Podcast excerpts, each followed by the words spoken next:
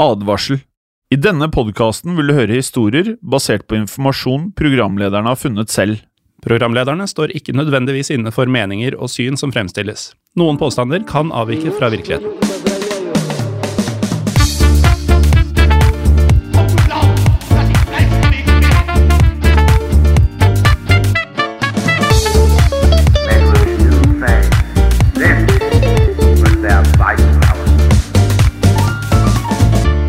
Velkommen til en splitter ny episode av Historiepodden andre verdenskrig. Mitt navn er som vanlig Jim Fosheim. Og nok en gang er mitt navn Morten Galaasen. Hallo, Morten. Hei, Jim. I dag skal vi prate om eh, noe som har vært med i mange episoder av både Historiepodden andre verdenskrig og vanlig Historiepodden. Ja, og det har vært øh, nevnt øh, i mange episoder, mange ganger, og vi har veldig sånn overfladisk forklart øh, hva det er. Ja, vi har eh, vært innom det, men valgt så godt det har latt seg gjøre å ikke fortelle noe ekstensivt om nettopp dagens tema. Nesten som om vi hadde en episode om dette temaet i tankene hele veien. Ja, vi har vel også hintet uh, til det. Uh, for i dag skal vi prate om uh, noe som er veldig fascinerende og veldig kuriøst. Og det er en av de tingene som fort kunne passe til å være en kuriositet, men det eksisterer masse informasjon om det. Ja, Så det er kuriøst, men det blir ingen kuriositet, dette her. Dette Helt blir en fullblods fullblodsepisode. Fullblods, og vi kunne sikkert skrevet eh, tre-fire ganger så mye tekst om dette her, og laget mange flere episoder. Eh, for dagens episode er eh, en berømt og også fascinerende historie, i hvert fall ifølge oss selv, fra krigen. Som eh, jeg tror en del av følgerne våre allerede har et forhold til fra før. Eh, Det er også, kan vi opplyse om, skrevet eh, mange, mange bøker og laget flere Hollywood-filmer om dette her. Siste filmen, og kanskje den mest kjente, i den grad man har et sånt recency bias, det er The Imitation Game. Og den var det Morten som regisserte.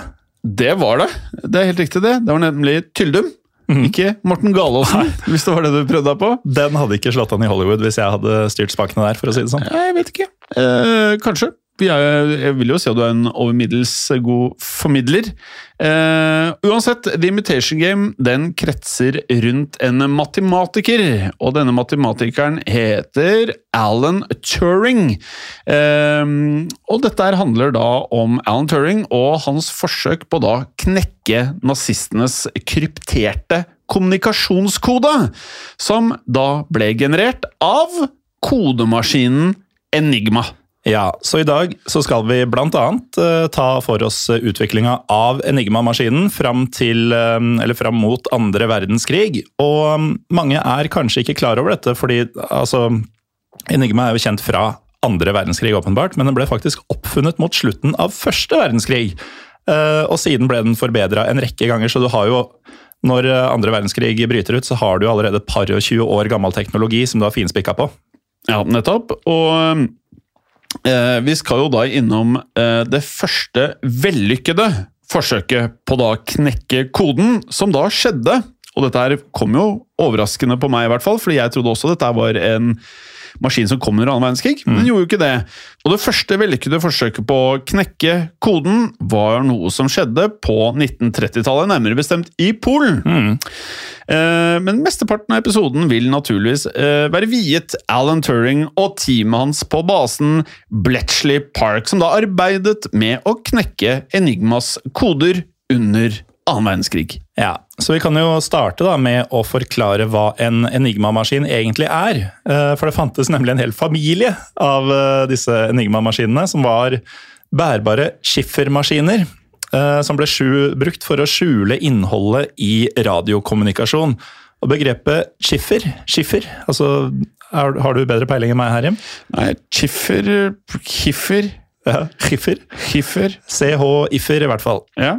Eh, Det begrepet peker på at maskinen produserte kryptografiske algoritmer eh, som oversatte en beskjed, altså klarteksten, til eh, kryptert form, som da er skifferteksten. ja. Enigma hadde en elektromagnetisk rotormekanisme som da forvred og endret de 26 bokstavene i alfabetet, slik at teksten ble kryptert. Og ved vanlig bruk um, så skrev en person inn en lesbar beskjed på Enigmans tastatur, og en annen person skrev ned hvilke av de 26 lysene over tastaturet som da lyste ved hvert tastetrykk. Og når man da tastet beskjeden, var de opplyste bokstavene den kodede skifferteksten, eller skiffertekst. Ja. Og Det samme prinsippet gjaldt også ved dekryptering. Eh, Så når man skrev inn eh, skiffertekst, så ble den endra tilbake til lesbar klartekst. Og um, denne rotormekanismen den endra da de um, elektriske forbindelsene mellom tastene og lysene ved hvert uh, tastetrykk, slik at koden ble tilfeldig og nærmest umulig å løse uh, pga. det store antallet mulige kombinasjoner dette skapte. Jeg merker at allerede nå så er dette her eh, mer komplekst enn hva du og jeg Vi to er nok ikke Vi, vi, vi kan noen Alan ting. Turing kunne ikke brukt oss til noe som helst. Det er vel det du prøver å si. Ja. Ja, vi, hadde, vi hadde ikke funka med den gjengen her. Eh, uansett, eh, sikkerheten til systemet var knyttet til et sett med maskininnstillinger som ble endret daglig, og det gir jo mening, spesielt da under krigen. Og systemet det var basert på hemmelige nøkkellister, distribuert på forhånd. og Vi prater jo ofte om ting som føles litt sånn Spekter og James Bond-aktet ut. Dette her, Det lukter James Bond lang vei over det her. Veldig James Bond. Veldig James Bond. Um, så disse uh, nøkkellistene ble da som sagt distribuert på forhånd, samt andre innstillinger som da ble endret for uh, hver melding. Eh, og mottakerstasjonen måtte da kunne kjenne til og også bruke de nøyaktige innstillingene som ble brukt av sendestasjonen for å dekryptere meldingene. Åh, nesten så vi skulle hatt en liten pustepause nå, men eh, vi må nesten fortsette. Men mitt inntrykk er at mange av lytterne er et lite hakk over oss i Ja, ja. sånn prosessering av info. Det er det vi merker i disse forumene. At mm. eh, vi, vi gjør det vi må for å videreformidle informasjonen. Men så er det jo mange som kan mer om dette enn oss, selvfølgelig. Ja, og de gangene man eh, enten hører fra lytterne, f.eks. jeg gikk gjennom innboksen på Facebook i dag, ja. Historiepodden Norge, bare for å kunne si, eh, se deg i øya og si at nei, vi har svart på alt på, på Facebook. Ja, nå tror jeg jeg har sur på Instaen, faktisk. Oi, det Nei, er er, du ikke. Nei. Men uh, da er det jo ofte folk som kommer med tilleggsopplysninger eller skal justere på det vi sa. og sånn, så det, det er jo åpenbart at uh, dere som hører på har utrolig peiling på veldig mye. Ja, det gøy. Og det samme gjelder jo når jeg snakker med mine litt ja, nerdete venner, som eh, også hører på, at de skal gjerne ha noe mer om akkurat det vi nevnte. Men ja, det er bra folk altså, som hører på Historiepodden. Jeg føler Og andre verdenskrig. Ja, og historien om andre verdenskrig. Jeg føler at vi nå får håpe at smitten ikke fortsetter, at vi rekker noe live før det eventuelt blir mer Vi, vi skulle jo Vi, vi har liksom ikke rukket hver gang vi snakker om det. Nettopp. Men nå, nå ble det lang pause i eh, Ja, Så tilbake til Enigma-maskina. Ja. Eh, Den ble oppfunnet av den tyske ingeniøren Arthur Scherbius på slutten av eh, første verdenskrig. Og Arthur Scherbius sitt firma patenterte ideer for en eh, skifermaskin i 1918, og begynte å markedsføre det ferdige produktet under merkenavnet Enigma i 1923. Eh, Maskinen var opprinnelig laga for kommersiell bruk av bedrifter, men ble utpå 1920-tallet tatt i bruk av militære og statlige tjenester, ikke bare i Tyskland, men i flere land. Og da den tyske marinen tok eh, maskinen i bruk i 1926, tett etterfulgt av den tyske hæren og luftvåpenet, ble navnet Enigma videnkjent i militære kretser. Og det ble produsert av flere forskjellige Enigma-modeller, som du nevnte, Morten. Eh, Men de tyske militærmodellene, som eh, hadde et slags kontrollpanel, var de selvfølgelig de mest komplekse, selv om japanske og også italienske modeller også var i bruk. Ja, og gode bruksprosedyrer utført på riktig måte ville ha gjort Enigma-maskina umulig å knekke. Men de fleste tyske militærstyrker og hemmelige tjenester og sivile byråer som brukte Enigma, de hadde dårlige bruksprosedyrer, og det sørga for at Enigma-maskinene kunne konstrueres omvendt, eh, såkalt reverse engineering, og dermed dekrypteres. Ja, og det var nettopp det som skjedde i 1932. Det hele startet med at en tysk spion ved navn Hans Thilo Schmidt solgte opplysninger om tyskernes Enigma-maskin til fransk etterretning. Og Schmidt han jobbet for det tyske kodebyrået og fikk tak i daglige krypteringsnøkler for to måneder med aktivitet, i tillegg til innstillingene til kontrollpanelet og to bruksmanualer. Og dette skapte jo da, Morten, en gyllen mulighet til å da løse koden. Det gjorde det, men likevel så hadde franskmennene ingen fremgang, så de bestemte seg for å dele Enigma-dokumentene med sine allierte, som eh, her var England og Polen.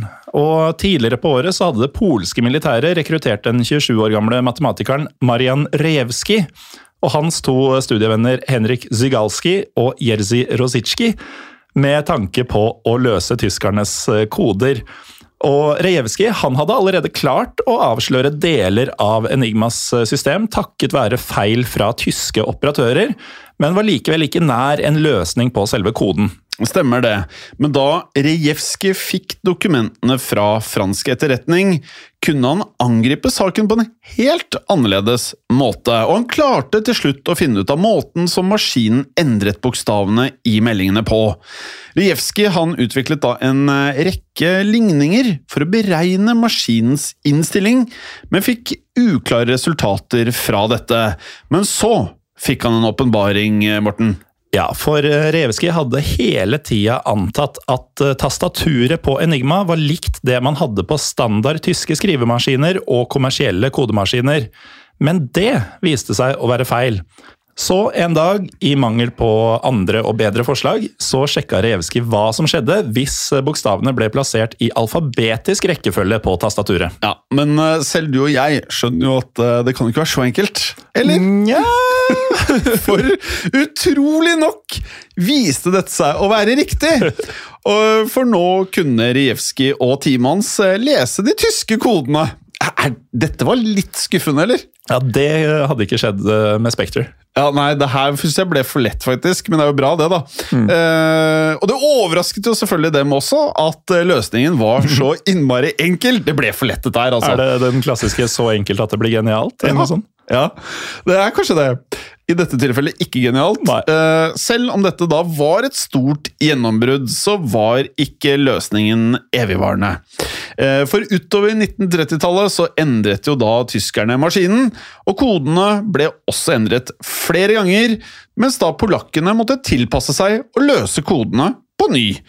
Vi kan jo også legge til da, at Tyskland på dette tidspunktet var styrt av NSDAP, som da tok makten i 1933. Og etter at Rejevskij avslørte de indre mekanismene i Enigma, så bygget han sin egen kodeknekkermaskin. eh, Med et ganske hardt navn, Jim. Bomba, eller Bomba. Jeg tenker bomba. Bomba. Eh, Bomba var da en elektromekanisk maskin som analyserte over 17 000 mulige krypteringsnøkler, og fant svaret etter kun to timer. Ganske effektive greier, altså. Ja. Eh, Så effektive at Bomba-maskinene de tilsvarte 100 arbeideres innsats. Men til tross for Revskis eh, innovative nyvinninger, så møtte han til slutt veggen. Ja, for i 38 så modifiserte die Wehrmacht, altså det tyske militære Enigma-maskinen, ved å legge til to ekstra roterende bokstavhjul, noe som da selvfølgelig eh, økte kompleksiteten, og da antall mulige kombinasjoner. Så dette var jo dag og natt fra hvordan maskinen hadde vært tidligere. Og Rejewski han eh, klarte å kontre han, eh, disse modifikasjonene, men da tyskerne gjorde enda flere endringer, og da vi kommet til 1939, ble det klart at polakkene ikke lenger hadde ressurser til å da følge med denne utviklingen i Enigma-maskinen. Ja, og tyskerne de hadde jo gode grunner til å styrke Enigmas eh, sikkerhetssystemer, for eh, deres militære planlegging før krigen den kretsa jo rundt raske, mobile styrker og strategier, eh, senere kjent som blitzkrig, som var avhengig av radiokommunikasjon for kommandoer og koordinering. Og siden fiender sannsynligvis ville fange opp radiosignalene, så måtte jo meldingene beskyttes med sikker kryptering. Og um, Enigma-maskina det har vi faktisk ikke snakka om, men den var uh, kompakt og lett å transportere. Og fylte dermed alle behovene Wehrmacht måtte ha til blitzkrig. Ja. Uh, og ettersom månedene gikk da i 1939, så ble det tydelig for både Polen og de vestlige allierte at Tyskland planla en invasjon av nettopp Polen. Og Derfor bestemte det polske militæret seg at eh, kunnskapen de hadde fått om Enigma, måtte deles med engelskmennene og franskmennene. Rijevskij og teamet hadde da bygget flere kopier av en Enigma-maskin, såkalte doubles, som de da brukte i kodeknekkingsarbeider. Og To slike kopier ble da sendt til Paris, og da vi kom til august 1939, mens én ble overlevert til den britiske sikkerhetstjenesten, og det er jo veldig James Bond-ete, nemlig MI6, som da er i London. Ehm, det er mye likt mellom James Bond-tingene og annen verdenskrig, føler jeg. Ja, det er jo nesten som man skulle tro at uh, forfatteren av James Bond-bøkene hadde fulgt litt med. R. Broccoli, tror jeg det er. Nei, det er Ian Fleming, er det ikke? Ja, Ian Fleming, ja. ja. Broccoli er produsenten på filmene. Men det er navnet som fester seg, da. Ja, det er broccoli. altså, som lite barn også. Broccoli, liksom. Mm. Eh, eller som rapperne bruker ordet broccoli, det er da det samme som cheese. Og the cheese er jo det samme som Dallas. skjønner du? Ja. Så broccoli er penger. Ja, det er helt riktig det. Uh, Chase my broccolis. Uansett, polakkene de delte også kopier av Rijevskijs Bomba, altså selve kodeknekkermaskinen, samt dokumenter med detaljert informasjon om Enigma-kodene. Men i september 1939 så måtte Rajevskij og det polske teamet evakuere og flykte fra landet, og de kom seg faktisk til Paris, der de kunne fortsette sin kodevirksomhet på etterretningsstasjonen PC Bruno. Det polske teamet arbeida tett med og delte sine oppdagelser med et tilsvarende team som ble oppretta i England. Ja, og dette teamet var tilknyttet den britiske regjeringens Code and Cypher School, som under krigen holdt i den storslåtte herregården Bletchley Park i Buckinghamshire. Og Bletchley Park var det topphemmelige senteret for de alliertes arbeid med å holde tritt med Enigma-maskinens utvikling under annen verdenskrig. Og da var det slik at en rekke toppmatematikere og problemløsere ble rekrutterte til å jobbe med dette svært viktige oppdraget i nettopp Bletchley Park. Og den mest kjente av disse problemløserne var jo selvfølgelig Alan Turing. Og da tenker du sikkert på sånn super seniority, ikke sant? En fyr Ja. som har vært med i 50 år i Kanskje. game og kan alt. 67. Ja, I 1939 så var Alan Turing 27 år. Eh, Men hadde allerede da en imponerende merittliste. Han eh, hadde starta matematikkstudiene sine på Cambridge-universitetet, ikke verst, som 19-åring, og hadde som 24-åring skrevet en oppsiktsvekkende artikkel som fikk stor betydning for vitenskapen rundt digitale computere. Altså moderne datamaskiner. Og så kan man jo tenke litt på hva en moderne datamaskin var i 1939. Eh, Men uansett, året før han kom til Bletchley Park, så hadde Turing fullført en doktorgrad i matematisk logikk. Og blitt en del av dette da Code and Cypher School, der han jobba med kryptoanalyse sammen med den erfarne kodeknekkeren Dilly Knox. For et kult navn. Ja, Dilly Knox. Låter nesten oppdikta. Ja, og bare sånn til dere lyttere. Altså Dilly eh, Knox, etternavnet skrives KNOX. Altså Dilly Knox. Det ser fett ut. Eh, uansett, dagen etter at Storbritannia erklærte krig eh, mot Tyskland, så meldte Turing seg til tjeneste, han. Og som alle andre som kom til Bletchley for å jobbe med Enigma, så ble han pålagt å signere Official Secrets Act, som da var loven om offentlige hemmeligheter. Og dette er jo sånt som er meget kuriøst eh, for oss, i hvert fall her i Storbåten. Eh, Og her sverget Turing på å ikke avsløre noe om arbeidet sitt på Bletchley. Altså, dette er topp, topp, top secret. Um, og det var altså da meget strenge straffer, lite overraskende, for å da bryte denne loven. Skal vi si noe om Turing som kanskje ikke overrasker folk, når vi har etablert at han er et matematisk geni og kanskje punching above his weight allerede som 27-åring? Ja, da er det nok kanskje litt annerledes enn mange andre. Turing var eh, man kan jo si han var en eksentrisk mann eh, med flere underlige vaner. eh, Som hver vår slet med kraftig høysnue, som da betød at han sykla til kontoret iført gassmaske for å holde Ja. pollen unna. Men eh, sykkelen den hadde en eh, ganske kjent eh, sykkelfeil, nemlig at kjedet løsna med ganske jevne mellomrom. Og I stedet for å reparere sykkelen, så telte han antall ganger pedalene gikk rundt og gikk av sykkelen i tide til å justere kjedeforholdet. Altså Han telte hvor mange tråkk det tok mellom hver gang kjedet hoppa av, og så slutta han å tråkke eller hoppe av rett før hver gang. Det hadde tatt oss ganske lang tid å komme på. Eh, noe annet Turing gjorde, uh, og dette her er jo veldig Jeg, jeg liker jo litt sånne merkelige ting, da.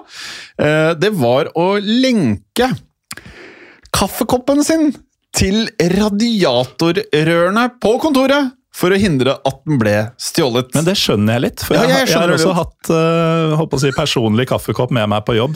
Og når jeg ser noen andre ta den, som ikke veit at den er min, og sånn, så det blir dårlig stemning. Ja, Altså. Det er ikke optimalt. Så Turing-Morten han hadde vært veldig redd for at vi skulle ta koppen hans, tror jeg. Mm. Og vi er sånne som kunne tatt koppen til Turing, Ja, med, med overlegg. faktisk. Da hadde han blitt veldig frustrert. Mm. Uansett, Turing han var eh, en meget god langdistanseløper, som var eh, rett og slett nær ved å komme med på det britiske landslaget. Eh, for han kunne finne på å løpe de 64 kilometerne, og jeg repeterer 64 kilometer, til London hvis han da hadde et møte i London. Så det er en slags uh, blanding av uh, Rainman og en uh, helt og Forest Gump. Ja, altså Forrest Gump, Rainman og kanskje Ironman. Noe sånt. Ja. Men det Turing var aller mest opptatt av, det var å løse enigmakodene. Eh, som var et arbeid han gjorde sammen med et lite team av andre kryptologer. Eh, og en kryptolog er da en kodeløser, enkelt og greit. eh, Men kryptolog høres jo utrolig mye kulere ut. Ja, veldig. Um, og dette britiske teamet de tok til seg kunnskapen og strategiene som de hadde fått fra Rajewski, men uh, Turing utvikla krypteringsmetodene til å bli enda mer effektive. Den uh, polske metoden baserte seg nemlig på en uh, sårbar prosedyre som man venta at tyskerne ville endre, noe de også gjorde i mai 1940. Så derfor konstruerte Turing sin egen versjon av polakkenes maskin, denne bomba, og kalte den The Bomb. Ja. Veldig kreativt av Turing. Det var nok andre ting han var bedre på enn navn. Ja. Eh, men eh, Turings tilnærming til å løse enigmakoden var å se gjennom da tyskernes meldinger, etter da faste fraser og ord, såkalte cribs. Om man da avdekket slike ord, kunne man da analysere resten av teksten langt raskere, fordi man da utelukket mange av de mulige kombinasjonene i koden. Og som man da kan tenke seg til, så var den tyske overkommandoen veldig nøye med sikkerheten når de da brukte Enigma-systemet og forsto at slike cribs, altså faste fraser, var å anse som svake punkter. Men de vanlige operatørene som da daglig sendte ut meldinger, var derimot eh, mer slepphendte, må vi kunne si. Det var de, og Bletchley Park-teamet kunne dermed gjette seg til deler av teksten, bl.a. ved å se på når meldingene ble sendt. Fordi eh, For eksempel så ble en værmelding sendt ut av tyskerne til samme tid hver dag, og pga. den ja, du kan si rigide stilen i militærrapportene, så ville værmeldinga inneholde ordet 'vetter', som da er det tyske ordet for vær, på samme sted i hver melding. Og ved å i tillegg da sjekke de lokale værforholdene hver dag, så kunne Bletchley Park gjette større deler av teksten. Ja, og noen av operatørene kunne også ha standardhilsener eller introduksjoner i starten på meldingene sine. En tysk offiser stasjonert i Egypt rapporterte f.eks. konsekvent at han ikke hadde noe å rapportere. Keine besonderen Eiregnisse. Altså ingen spesielle hendelser. Det her hadde jo vi klart også, tror jeg. Ja, det kan godt hende. Ja. Men eh, dette er da eksempler på disse såkalte cribs, da, som var faste punkter eh, som gikk igjen i eh, meldingene. Og et annet velkjent eksempel på en crib som forenkla krypteringa for eh, Turing og staben hans, var ganske åpenbart eh, Heil Hitler. Og det er første gang det er sagt i denne podkasten. Ja, det er ganske utrolig. Jeg, jeg syns det var litt ubehagelig, faktisk. Ja, det, var- ja, Man tenker sånn eh, Det er jo 2021, folk kan jo reagere på ting. Ja. Men det, er, det er første gang det har blitt sagt. Ja. Det er litt overraskende. Hvor mange episoder har vi her? da? Egentlig, for vi har jo sitert ganske mye fra tyske ja, viktige folk. Ja. Eh, Men i hvert fall, det var jo da en hilsen som ofte ble lagt til på slutten av en melding. Og Turing ble dessuten tipsa av en eh, kollega ved navn John Harrivel om at man kunne utnytte måten operatørene brukte Enigma-maskina på. Harrivel så nemlig for seg at de tyske operatørene ville ta snarveier for å spare tid når de stilte inn rotorene i maskinen for en ny melding. Og sånn kunne man forutse endringene og utelukke kombinasjoner i koden. Og dette viste seg faktisk å stemme, og Turing fikk da mm, enda et verktøy i verktøykassa. Mm, det er også veldig smart. Eh, tyskerne var jo da overbeviste om at Enigma-koden ikke kunne brytes, de. Så de brukte maskinen til all slags kommunikasjon. På slagmarken, til sjøs, i luftvåpenet og aller viktigst i sine hemmelige tjenester. Så britene de klassifiserte enhver etterretningsinformasjon fra Enigma-prosjektet som ultra, som var en klassifisering som indikerte at informasjonen var enda mer hemmelig enn most secret. Så ultra var da over most secret, som da tidligere var det høyeste sikkerhetsnivået i Storbritannia. Og bare noen få utvalgte kommandanter ble innvia i hva Ultra dreide seg om, og informasjonen ble stort sett brukt eh, sparsomt for å forhindre at tyskerne skulle skjønne at Enigma-koden var blitt brutt. Men eh, til tross for at eh, Ultra skaffa britene ellers utilgjengelig informasjon, så tok det en stund før Ultra ga et vesentlig bidrag til krigsinnsatsen. For eh, selv om britene, takket være informasjonen fra polakkene, hadde lært å analysere deler av eh, signaltrafikken til Wehrmacht, så ble vanlige dekrypteringer først mulig da de allierte forsøkte å stoppe den tyske invasjonen av Norge våren 1940. Men selv da hadde ultrainformasjonen marginal operativ nytteverdi. Dessuten ble to andre koder brukt av det tyske flyvåpenet, altså Luftwaffe, knekt. Men informasjonen man oppnådde var til liten effektiv nytte. På samme måte var Ultras rolle også begrenset i slaget om Storbritannia, altså Battle of Britain, sommeren og høsten 1940. Man fikk nemlig bedre etterretningsinformasjon fra krigsfanger, altså hemmelige dokumenter og rekognosering fra luften. Ja, Det var først i 1941 at eh, Enigma-dekrypteringer ga et ordentlig utbytte. For eh, denne våren så avslørte eh, kodeknekkerne en militær, altså en tysk militær oppbygging før invasjonen av Hellas. De allierte hadde imidlertid ikke stor nok militær styrke til å utnytte dette gjennombruddet på det tidspunktet. Men like etter så bidro Turing-teamet til at admiral Andrew Cunninghams middelhavsflåte beseiret nazistenes allierte, nemlig italienerne, i slaget ved Matapan. Kodeknekkerne hadde nemlig fanga opp verdifull etterretning fra den italienske marinen. Ja, og på høsten 1941 klarte kryptoanalytikerne å avsløre kodene som da den tyske general Johan Rammels panserhær brukte både innenfor egne enheter og i kommunikasjonen med øverstkommanderende i Roma og Berlin. Og dette ga de allierte en viktig fordel under felttoget i Nord-Afrika. Men den største trusselen mot de alliertes krigsinnsats var tyske angrep på skipskonvoier i Nord-Atlanteren. Og dette skal dere føre mer om etter en kort pause. Hei og velkommen tilbake til episoden om Enigma-koden og de alliertes forsøk på å løse denne, for slik å hente ut hemmelig informasjon som kunne brukes til å bekjempe tyskerne. Før pausen Morten, så hørte vi om at eh, matematikeren Alan Turing og teamet hans i den britiske etterretningen gjorde fremskritt i arbeidet sitt med å løse Enigma-kodene, som da ble brukt i den tyske krigsmarinen spesielt. Ja, for som du nevnte før eh, pausen, Jim, så var jo den største trusselen mot de alliertes eh, krigsinnsats tyske angrep på skipskonvoier i Nord-Atlanteren. Eh, Disse skipene de frakta forsyninger og viktig materiell til England og andre land, og tyskerne prøvde jo derfor å senke så mange av disse skipene som mulig, slik at eh, de allierte ble svekka. Derfor ble Turing og de andre kryptologene på Bletchley Park satt til å knekke enigmakoder som ble brukt av tyske ubåter. For hvis de allierte på forhånd kunne finne ut hvor ubåtene var på tokt, da kunne de jo dirigere skipene sine bort fra disse faresonene. Nettopp. Og dette ble da også starten på en av de mest spennende periodene med Enigma-kodeknusing. For det ble fort klart at den beste strategien for å følge med på de raske endringene i koder og teknologi, det var rett og slett å få tak i en Enigma-maskin og også kodebøkene om bord på disse tyske fartøyene. Og Gjennombruddet skulle komme i mars 1941, da den tyske tråleren Krebs ble tatt til fange utenfor Norge. Om bord ble det funnet eh, ikke én, men to Enigma-maskiner, samt den tyske marinens sett med Enigma-innstillinger for måneden før. Og Dette gjorde det mulig å løse tyske marinekoder etter april 1941, selv om det fremdeles tok litt tid å dekryptere hver melding. Og På rundt samme tid Morten, kom Harry Hinsley, altså en av kodeknekkerne på Bletchley Park, med en eh, aldri så liten teori. Hinsley han mente at tyske vær- og forsyningsskip samt krigsskip sannsynligvis også hadde Enigma-dokumenter om bord. Og denne teorien ble altså da bekreftet da det tyske værskipet München ble angrepet i mai 1941. Og Om bord på München så fant man Enigma-kodebøker for juni, altså den kommende måneden.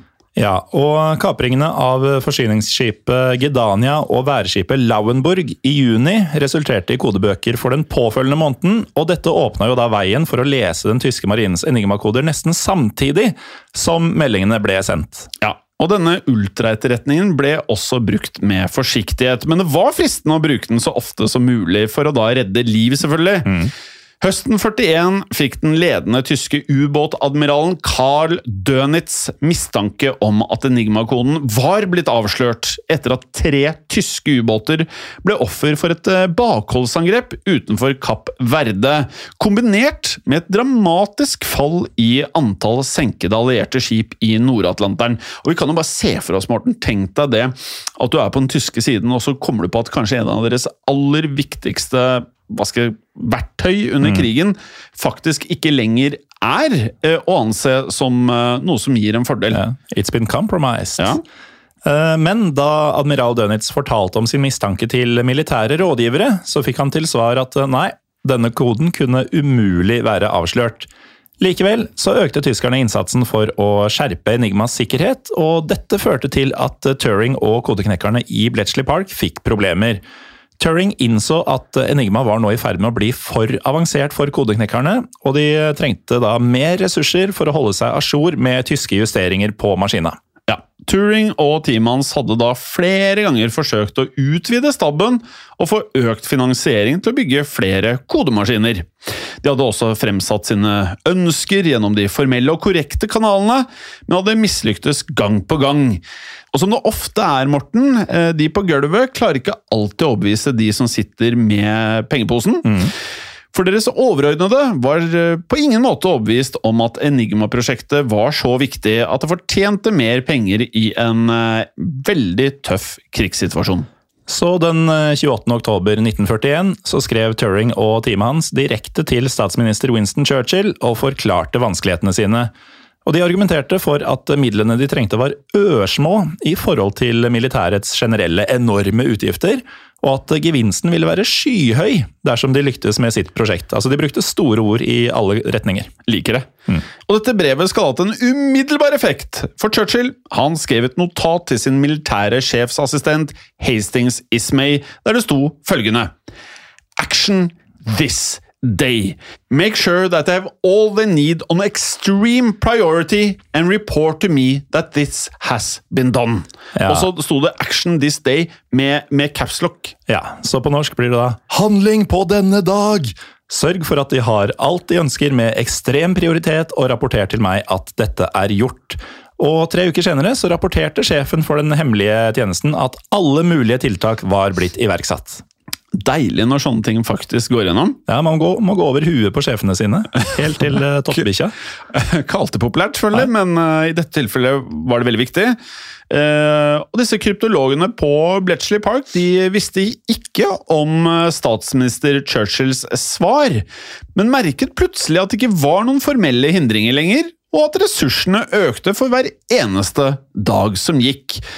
Og teamet de gikk i gang de med å bygge flere kodemaskiner, og på det meste var eh, over 200 stykk i drift. Ja, og Det bør også nevnes at um, kodeknekkingsarbeidet hadde innvirkning også på um, tyskernes invasjon av Russland.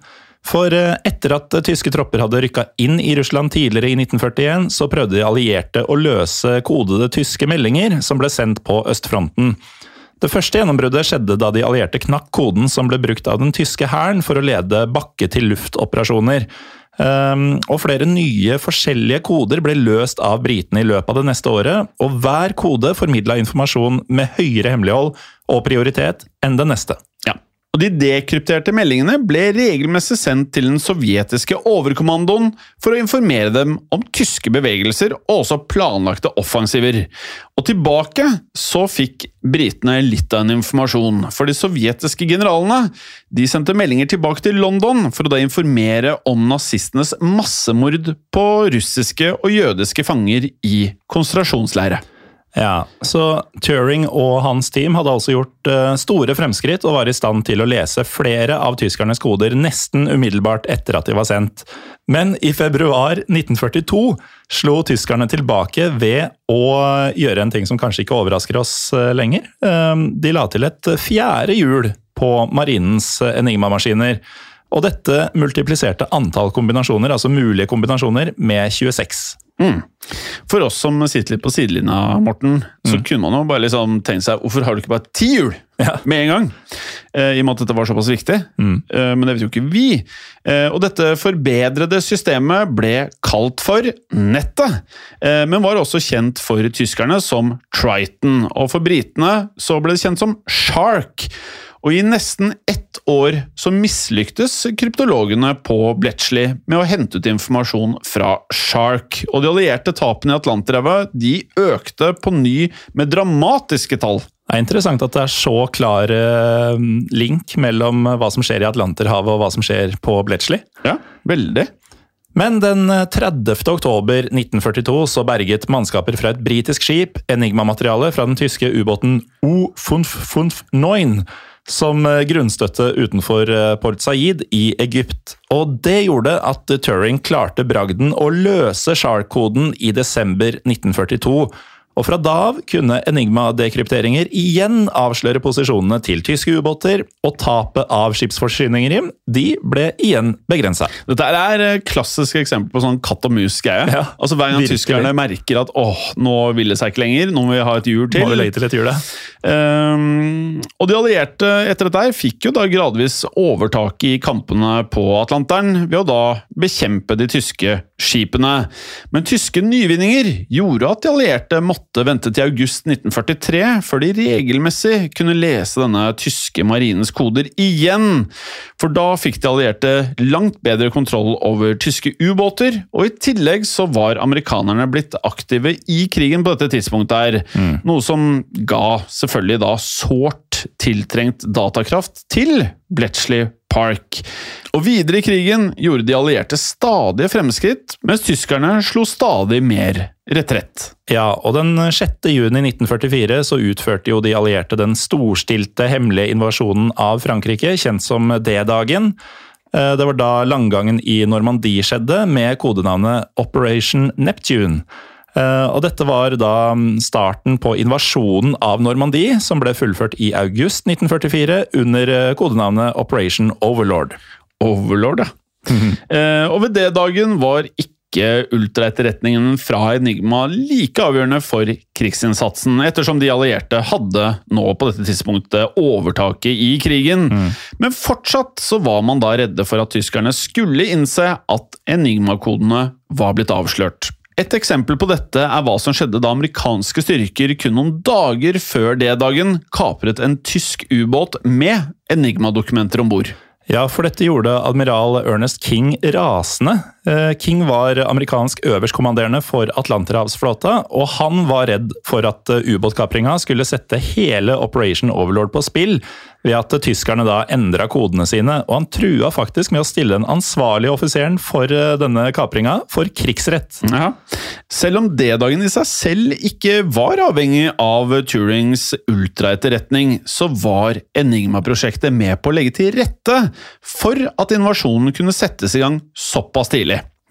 Harry Hinsley, altså som da jobbet på Betchley under krigen, mente at Enigma-informasjonen rett og slett var essensiell for at Egypt ikke falt i fiendens hender i 1942. Hadde dette skjedd, ville det ha satt tilbake erobringen av Nord-Afrika og forstyrret tidsplanen for nettopp invasjonen av Frankrike. Og Ifølge Hinsley så ville Operation Overlord sannsynligvis ha blitt utsatt helt til 1946, faktisk! Det hadde vært en bemerkelsesverdig endring av historien. Veldig! Så man kan jo faktisk si at Enigma-maskinen eh, ja, altså det Turing og gutta drev med, det var eh, noe av det viktigste arbeidet som ble gjort av topphemmelig ting. Ja, for hvis det hadde blitt utsatt til 1946, så kunne det jo skjedd eh, noe greier, Jim. Ja, for på det tidspunktet kunne tyskerne muligens slått tilbake med nye rakettvåpen, eller enda verre, atomvåpen. Ja, for vi har jo snakka en del om uh, tysk uh, våpenteknologi, og det var veldig mye av greiene deres som kom mot slutten av krigen, hvor det allerede på en måte var for seint. Så kanskje, Mm. det er litt sånn vilt uh, å spekulere i, men kanskje kan Turing og teamet ha vært helt avgjørende for utfallet av krigen? Kan være. Kanskje. I mai 1945 så var i hvert fall krigen vunnet, og kodeknekkerne på Bletchley Park hadde fullført sitt viktige oppdrag. Og selv om det var et helt team som sørga for at Enigma-prosjektet ble en suksess, samt andre kryptologer fra allierte land, så ble jo da Alan Turing ansett som hjernen bak det hele. Altså mannen som sykla til jobb eh, med x antall pedaltråkk før kjedet hoppa av, i eh, ført eh, gassmaske. Og som lenka fast kaffekoppen til radiatoren. Uansett, Turings nærmeste kollega enn Hugh Alexander sa følgende om Turings bidrag. Og nå tar jeg dette her på norsk. Det bør ikke være noen tvil om at Turings arbeid var den største faktoren i vår suksess. I starten var han den eneste kryptologen som mente at problemet kunne løses, og ikke bare var han hovedansvarlig for det teoretiske arbeidet, men han var også sterkt delaktig i oppfinnelsen av The Bomb, altså kodemaskinen. Det er alltid vanskelig å si at noen er helt uunnværlig, men hvis noen var uunnværlig for oss, så var det nettopp Turing. Og for å sette tall på dette her, så kan vi si at eh, Turing bidro til at britene kunne lese 39 000 tyske kodede meldinger i måneden allerede tidlig i 1942. eh, Og det var et tall som etter hvert økte til 84 000 i måneden. Eh, Turing han oppholdt seg også faktisk i Washington DC under krigen, der han bisto Bell Labs med å utvikle avlyttingssikre talesystemer. Og for sin krigsinnsats så mottok eh, Turing eh, utmerkelsen Order of the British Empire, altså en OBE, i 1946. Ja, og til tross for innsatsen så ble ikke omfanget av Turings bidrag ordentlig anerkjent av omverdenen, ettersom Enigma-prosjektet var, som vi da har nevnt flere ganger, strengt hemmelig. Det er så mange fra selvfølgelig andre verdenskrig, men også fra kriger generelt, som eh, bare holdes i bakgrunn Ja. altfor lenge. Ja, altså helter. Mm. Um, og ikke før 1974, slik vi, eh, vi ser det, ble detaljer frigitt av MI6. Noe som viser hvor mye dette arbeidet betydde for etterretningstjenestene. Men eh, etter krigen så fortsatte Turing sitt eh, nyskapende arbeid, og vi har faktisk mye å takke ham for, ikke bare fordi han forkorta krigen. Eh, Turing han deltok nemlig i utviklinga av flere datamaskiner, f.eks. Automatic Computing Engine, eller ACE, ACE, som bygde på hans ideer. Og i eh, 1949 så ble han nestleder for datalaboratoriet ved University of Manchester, der han arbeida med programvare for en annen banebrytende tidlig datamaskin, Ferranti Mark 1. Ja, I 1950 utga han en viktig artikkel som la grunnlaget for kunstig intelligens som eget forskningsfelt. Han formulerte her Turing-testen for hvorvidt en maskin kan betraktes som intelligent eller ikke. Og testen går ut på at en objektiv person inngår en skriftlig dialog med både en datamaskin og en annen person, og dersom vedkommende ikke er i stand til å skille maskinen fra personen, er maskinen intelligent. Men livet til Alan Turing fikk dessverre en altfor tidlig og ulykkelig slutt. I 1952 så var det innbrudd i Turings hus, og raneren viste seg å være en bekjent av Turings mannlige kjæreste, en mann ved navn Arnold Murray. Da Turing anmeldte innbruddet, så ble han i politiavhør utspurt om sin relasjon til Murray, og da Turing fortalte at de hadde et forhold, ble Turing selv arrestert og dømt for homofil praksis. Nei, og da kan man si at det er ganske stor forskjell på 1952 tydeligvis og 2021. Godt er det. Eh, og med det så mistet eh, Turing sin sikkerhetsklarering, og dermed muligheten til å jobbe videre med kryptologi og hemmelige tjenester, som er helt vanvittig, selvfølgelig. Men verre blir det. Verre blir det. Han ble dessuten pålagt å gjennomgå hormonbehandling som påvirket hans fysiske og også psykiske helse. Men da han var på bedringens vei kun et par år senere, altså i 1954, så døde Turing av cyanidforgiftning, og da var han ikke mer enn 41 år gammel. Og dødsfallet ble erklært som selvmord, men flere historikere tror at uforsiktig oppbevaring av giftige kjemikalier var den egentlige årsaken til Turings død. Men heldigvis så ble Turings ettermæle sikra da vitenskapelige miljøer begynte å løfte fram betydninga hans arbeid hadde hatt. Og det er med tiden blitt kalt opp veier og bygninger etter han, og det har blitt reist flere statuer av Turing.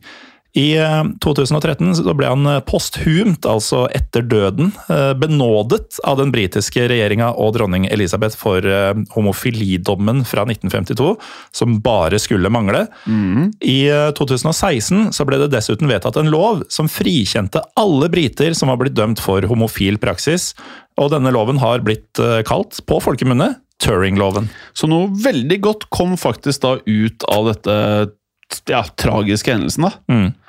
Men uh, er det ikke litt uh, symptomatisk så langt i historiebånden andre verdenskrig, Morten, at uh, mange av de viktigste personene fra annen verdenskrig, og heltene, på en eller annen merkelig måte bare blir nedprioritert eller egentlig behandla veldig dårlig av myndighetene etter krigen? Ja, altså Nedprioritert er en understatement. Ja. De, de blir jo rett og slett kjørt. Ja, det er jeg, jeg var kanskje ikke klar for det når vi startet podkasten.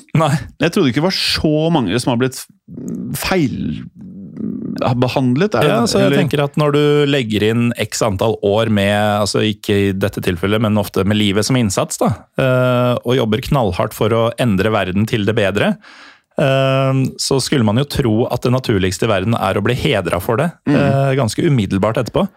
Og så er det spesielt vondt at eh, folk som sitter på kontorer, er de som dømmer eh, eller fordømmer Mm. helter. Det er ganske spesielt. Så eh, man trenger de tøffe, de smarte og de, de som er standhaftige når det er krig. Mm. Og så etter krigen så glemmer man hvor viktig de faktisk er. Det er faktisk eh, veldig sørgelig, men eh, og det er- provoserende. Ja, veldig provoserende, men det er eh, veldig deilig å prate om det her og få det frem. Mm. Eh, For mye av dette her, når man ser filmer eller man hører om disse her, så tenker man bare på det positive. Det er i hvert fall det man får servert ofte. Ikke sant? Men her er da baksiden av medaljen noen ganger. Mm.